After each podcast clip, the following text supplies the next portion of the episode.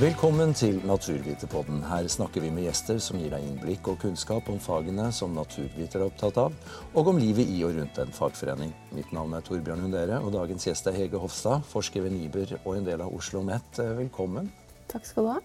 Veldig hyggelig at du kunne stille opp uh, på denne podkasten i dag, Hege. Veldig hyggelig å få lov å være her. Vi, um, vi sitter uh, i en teatersal i Arendal, og det er midt under Arendalsuka. Det er spennende dager her. Ja, vi har funnet et lite avlukke her fra, borte fra alle, men det er fryktelig mye som skjer her. Utrolig mange arrangementer. Ikke sant? Du, Litt, litt, mer om deg først, før vi går inn på, på, på tematikken. her. Sånn. Altså, du, du, du, er så forsker ved NIBR og Oslo OsloMet. Fortell litt hva er, du, hva er, det du, gjør der? Jeg jobber som eh, seniorforsker. Mm. Eh, det jeg gjør, er at jeg, Det er jo et anvendt forskningsinstitutt. Mm. Eh, som, som, det betyr at da jobber jeg med å hente inn forskningsmidler Eh, på temaer som, eh, som, går på klimaomstilling. Eh, men også, jeg har et annet bein også, som, som handler om folkehelse og sosial bærekraft. Mm. og de midlene de får jeg veldig ofte fra Norges forskningsråd. Så det mm. betyr at jeg har lange forskningsprosjekter over fire år. Mm. og parallelle. Mm. Og du er samfunnsviter. Jeg er samfunnsviter og statsviter av bakgrunn. Ikke sant? Så nå skal vi naturvitere få lov å eh, lære mer fra en samfunnsviter. Og det er veldig bra, for det er en viktig, viktig del av samfunnsutviklinga å ha med seg alle faggrupper. Ja, og jeg jobber, de spørsmålene jeg jobber med, eh, involverer veldig ofte naturvitere. Mm. Det handler om planlegging, det handler om eh, miljørådgivere eh, f.eks. Eh, ja. Du nevnte bærekraftig klimaomstilling. og Grunnen til at eh, jeg spurte deg om å bli med på denne samtalen, her sånn, eh, Hege, det er at eh, dere hadde et arrangement her i, i går. Og det kalte dere 'Hvordan kan vi sikre bærekraftig klimaomstilling som både effektiv og rettferdig'? Mm. Det er et uh, svært tema. Det er et svært tema. Ja. Det er et veldig uh, vanskelig tema, men det er mm. også ikke desto mindre viktig tema. Mm. Eh, fordi at eh, mm, Ja, nå har vi jo denne sommeren og denne mm. august friskt i minne.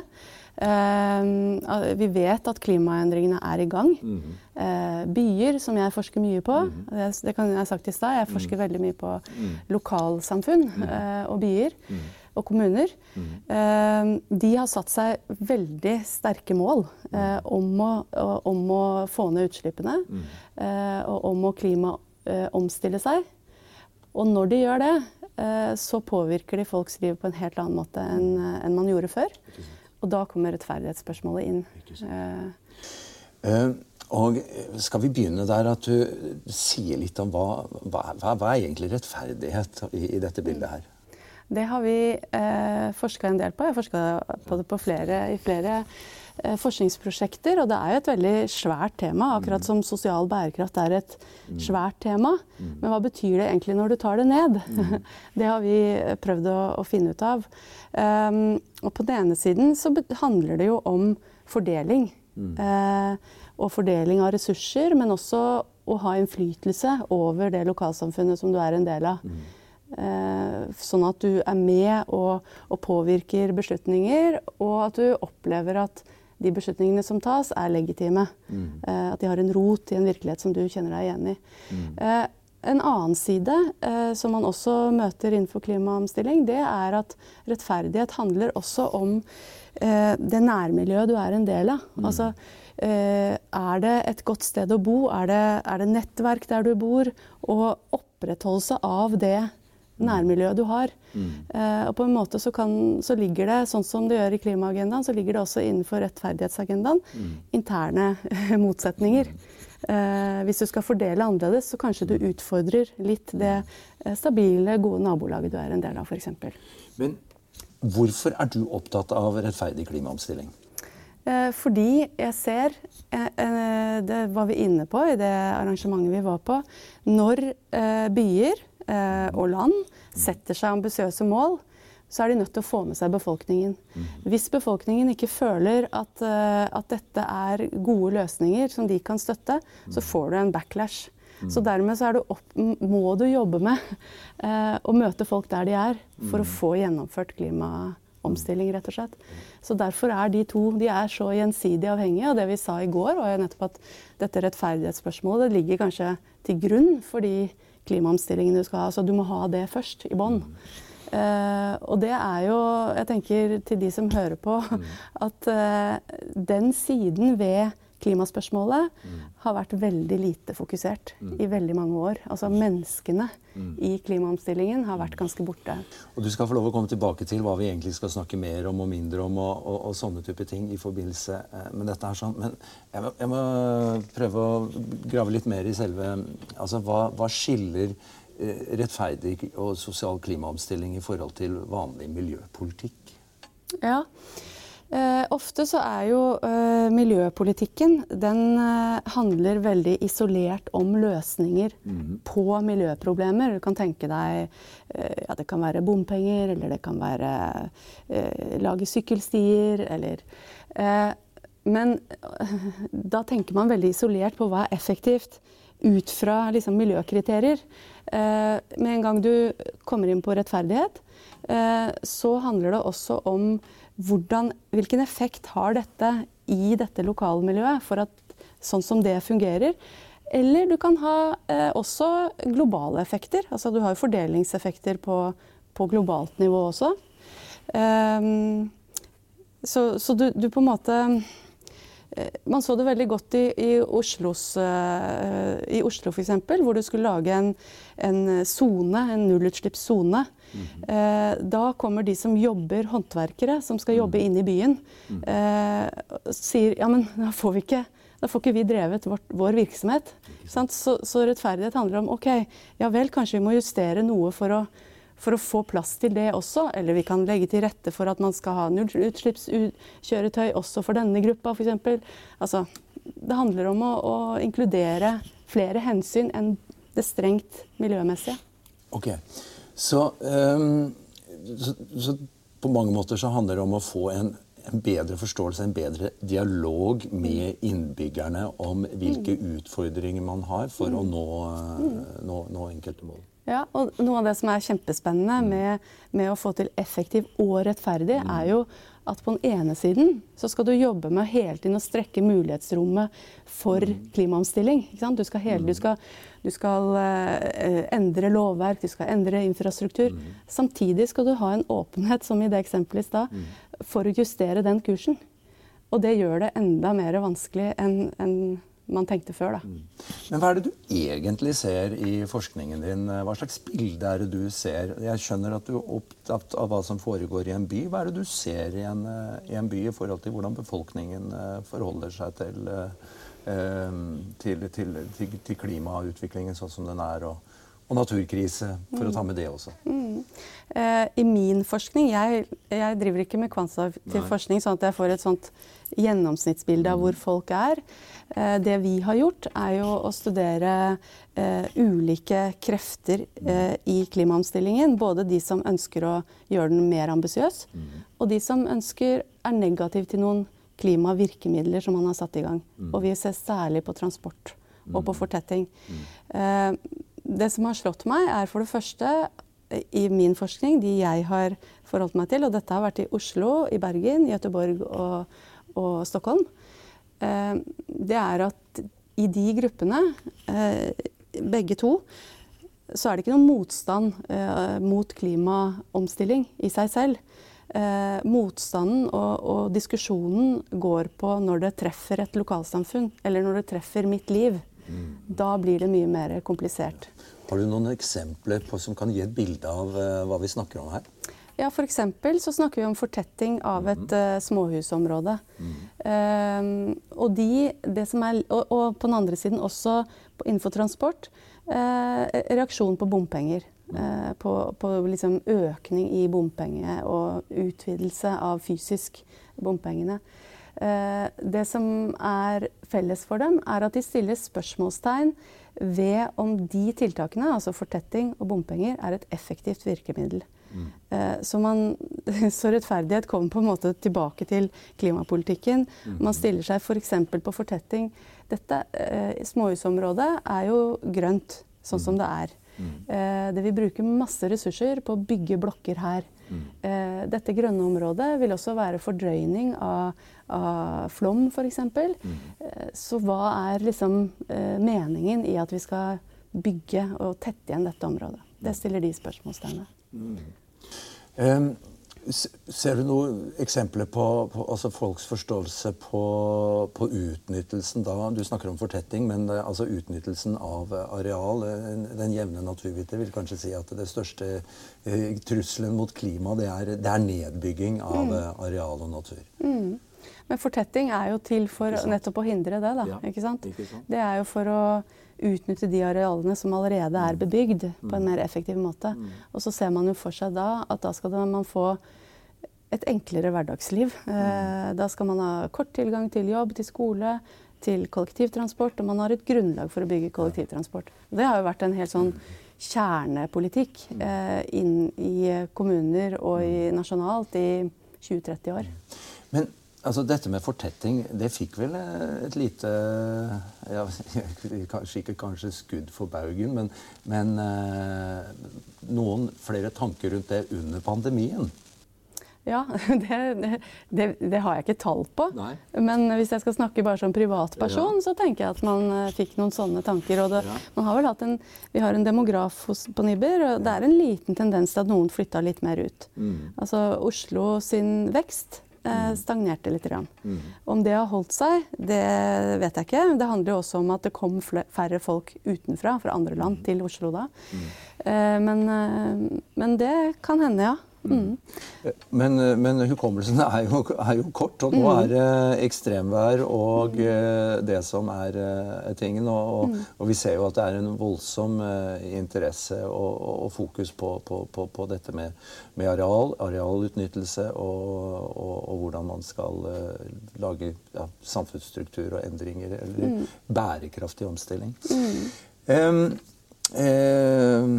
ja, hvilke deler av samfunnsstrukturen er det som er viktig å se på da, for å håndtere klimaproblemet sånn, eh, fra ditt ståsted? Altså. Jeg vet hva jeg syns er eh, interessant, og som jeg har lært i et ja. annet forskningsprosjekt ja. som jeg har vært i, som, eh, det er at vi har veldig fokus på eh, teknologiske endringer. Mm.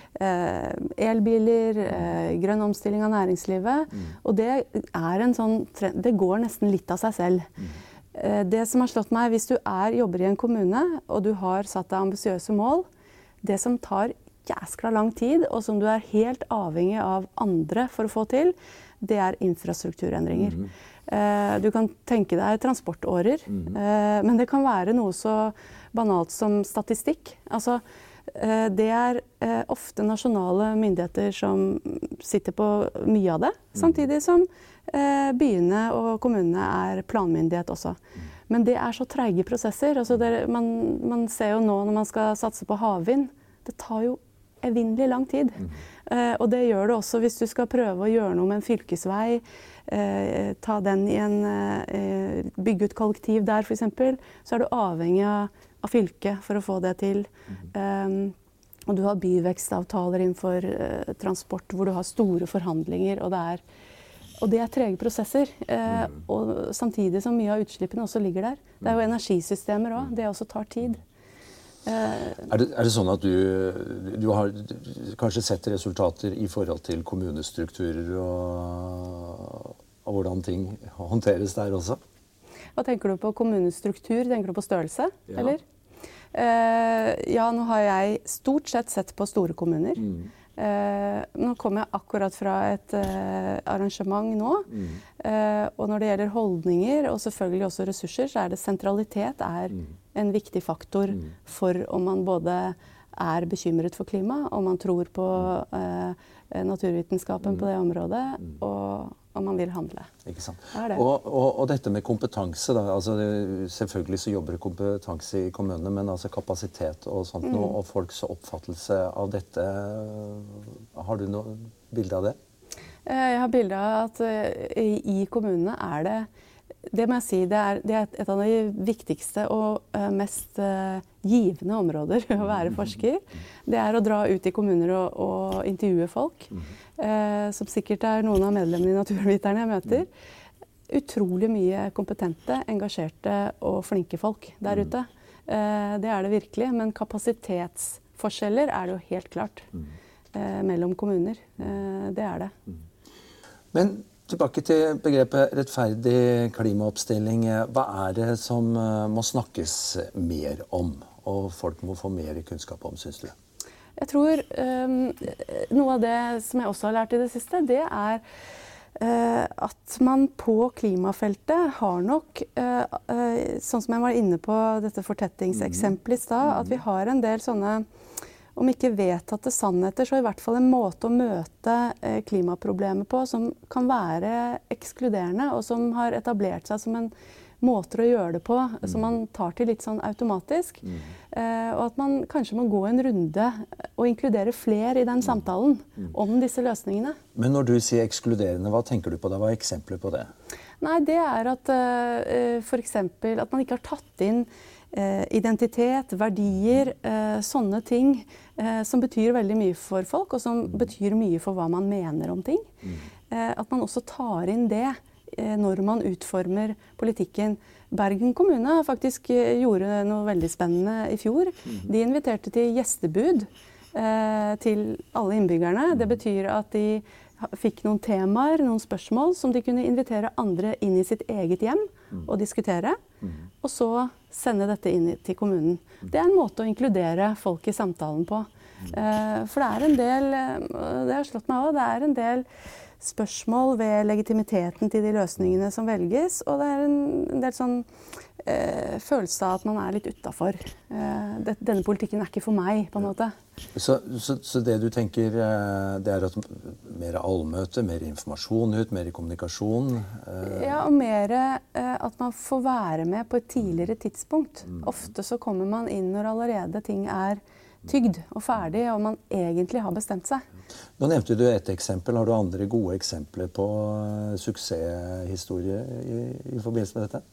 Uh, i, for, i, forbindelse med å involvere folk? Mm -hmm. uh, ja, jeg har i et annet prosjekt så, så jobber vi med å utvikle et, noe som vi kaller for et stedskompass. Mm -hmm. Som nettopp handler om at befolkningen involveres i å rangere sitt lokalmiljø etter 14 ulike kriterier. Eh, og da får man et bilde av og lærer egentlig ganske mye om hva er det som er viktig for folk mm. eh, i sitt lokalsamfunn. Og sånne type eh, kunnskaper er jo veldig viktig å legge til grunn når man skal planlegge, f.eks. For, eksempel. for det er en del eh, Man kan ta litt feil på, altså man kan tro at folk mener det og det. Det er ikke sikkert at det stemmer. Men er det, er det sånn å forstå at det, er, det, er det litt skepsis uh, i forhold til fagkompetanse og, og skal vi kalle det fagbyråkratiet her? Ja, og jeg tror også at det går litt begge veier. Mm. At fagkompetansen kan være litt redd for å gi fra seg makt òg. Mm gi fra seg definisjonsmyndighet. Mm. Eh, det jeg ser at man er veldig god på, det er når man ikke har kompetansen selv, mm. ikke har ressursene selv, og det er ting man er usikker på. Da er man veldig god til å prøve ut ulike sånne samskapingsformer og dra mm. inn folk og, og kompetanser fra andre miljøer. Men når man har etablerte måter å jobbe på, etablerte kunnskaper og måter å møte ting på, da er man mye dårligere på å involvere. Mm. Og det er kanskje der man må gjøre litt mer. Mm. Og fagkompetansen er jo eh, verktøyet for eh, politikerne, så at de skal ta de mm. riktige beslutningene. Og, og, og, og politikerrollen, den eh, er vel ikke så uvesentlig her? Nei, den er veldig viktig. Fagfolkene spiller jo bare opp ja. uh, mot politikerne. Mm. Uh, og, det har vi, vi har i et annet prosjekt også involvert politikere veldig mm. i i diskusjoner om sosial bærekraft, som du kan si mye, handler mye om rettferdighet. Um, og det som er interessant, er at det, eh, det, politiske systemet, akkurat som det faglige i og for seg, er ikke helt rigga til å ta spørsmål som krysser på tvers. Nei.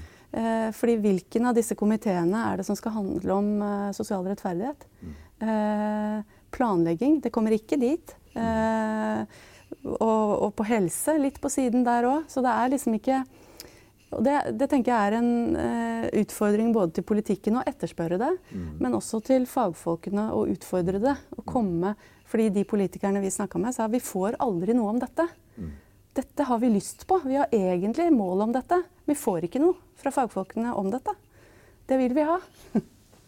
Og hva er løsningen da?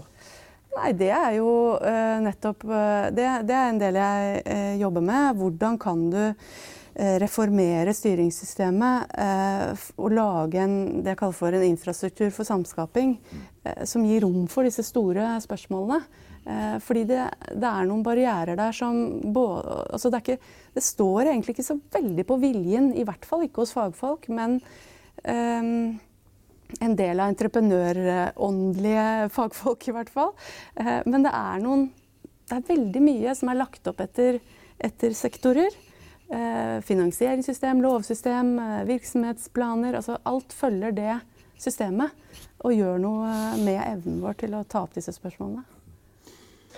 Du jobber med de store byene. Du har snakket om fortetting. Du har snakket om transport. Altså hva, på hvilket område mener du det er viktigst å holde fokus eh, fremover? Ja, hva skal jeg si der? Jeg nevnte eh, infrastruktur. Men jeg tror nettopp dette siste jeg snakket om, altså det å eh, jobbe mer involverende. Eh, og ikke bare, ikke bare, gjøre det til et fyndord som man klatter på av og til, men, men skape seg en en bevissthet rundt når er det vi skal involvere i mm. prosessen, men også på hvilke spørsmål. Når er det stort nok til at man skal ta det opp? Det er veldig, altså her, er det, her er vi helt i starten. Mm. Eh, og det er masse man kan gjøre. Du snakker om rettferdig klimaoppstilling, men eh, kan dette også være et bilde på en konfliktdempende klimaomstilling? Ja. Altså, for har, vi, vi, vi, har mange diskusjoner om bruk og vern og, ja. og interesser. Ja. Uh, ja, ja. Og det, det, er jo et konfliktfylt uh, tema, og mer og mer. Men rettferdighet handler jo nettopp mm. om å, å, dempe, eller i hvert fall finne broer over de, uh, de gapene i, mm. i virkelighetsforståelse. Mm. Og man snakker jo om på EU-nivå, dette er jo ikke noe som er eget for Norge, dette er jo globalt. to leave no one behind. altså det er, for dette er jo store omstillinger det er snakk om. Hvis det er noen som systematisk taper på dem, eh, så må vi angripe det.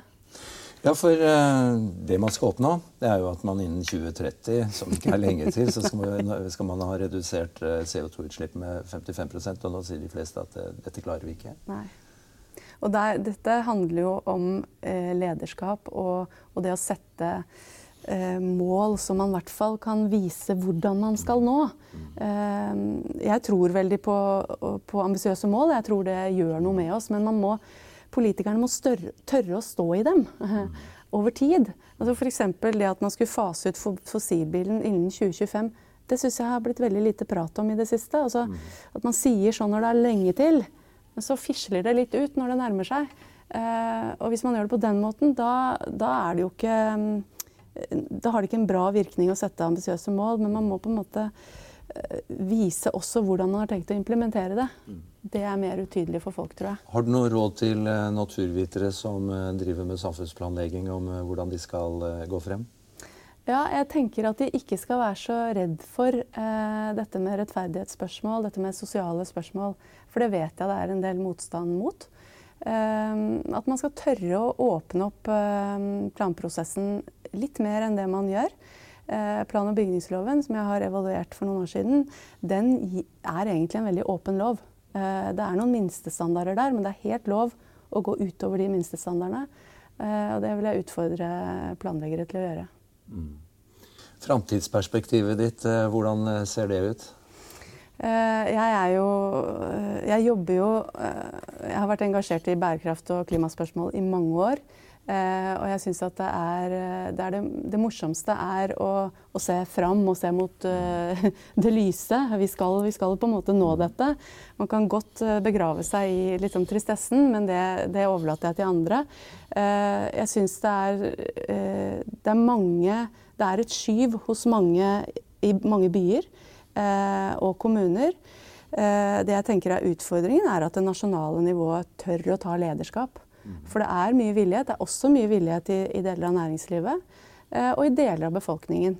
Men for at den delen av befolkningen som er skeptisk, at man skal få med seg det, så tror jeg man må, man må skjønne hva det innebærer. Man må få, få en mer forståelse av hva løsningene egentlig er, og det vil, hva vil det bety for meg. Mm. Eh, og så ta på alvor de bekymringene og, og prøve å møte de. Mm. Eh, men jeg tenker at eh, nå står kampen litt på det nasjonale nivået. Mm. Mye. Mm. Er du optimist? Eh, eh, jeg vet ikke, jeg tenker liksom ikke sånn. jeg prøver alltid å være konstruktiv. Eh, og se mot liksom det som er veien videre.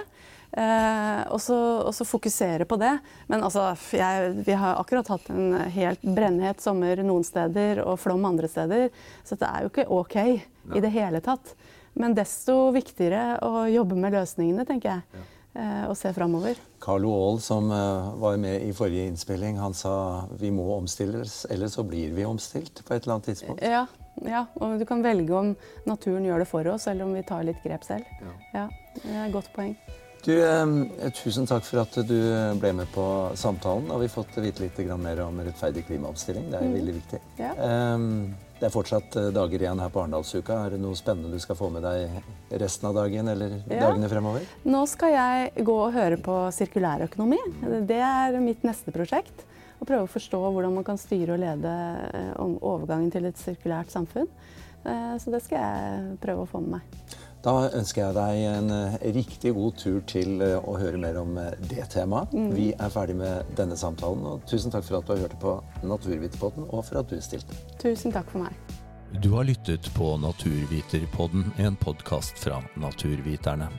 Har du tips eller kommentarer, så kan du gjerne sende de til e-post th alfakrøllnaturviterne.no.